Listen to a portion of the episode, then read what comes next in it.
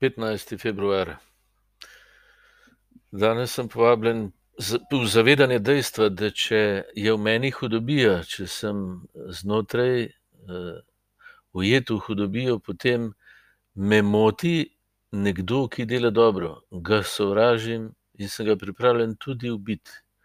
To nam tudi povojno klanje kaže, pa vsi umori, pa tako naprej, tudi vse naše sovraštvo, skreganost. In, ne, mi se pa, kristijani, čudimo, da če resnično živiš ljubezen, da te drugi sovražijo. Mi mislimo, če imaš red, potem te vsi božajo.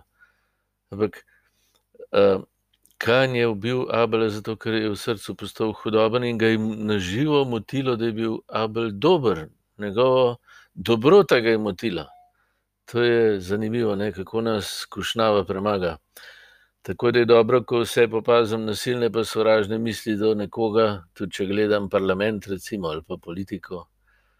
E, čemu mi prihajajo te misli? Ali zato, ker so drugi hudobni, ali pa je bolj resnica, da, da jaz nisem dovolj dober, da se srcu prepustim hudobi in da nič več ne sodelujem v sebi z božjo ljubeznijo do tega človeka, ki je Bogu tako dragocen in ljub kot jaz.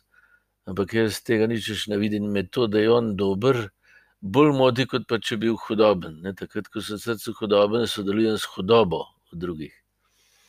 No, eh, običajno, ne, če se postavljamo, jaz nisem dovolj dober, da. da, da so drugi hudobni, če sovražno razmišljamo, na kom je običajno ta drugi. Ne? Da sem se jaz prepustil hudobiji, da sem se prepustil mislim nasilja, netolerance, strahu, antipatije, nevoščljivosti, sovražnosti. Bog me pa želi tega osvoboditi. To je edini način, da premagam hudo z dobrim, da v srcu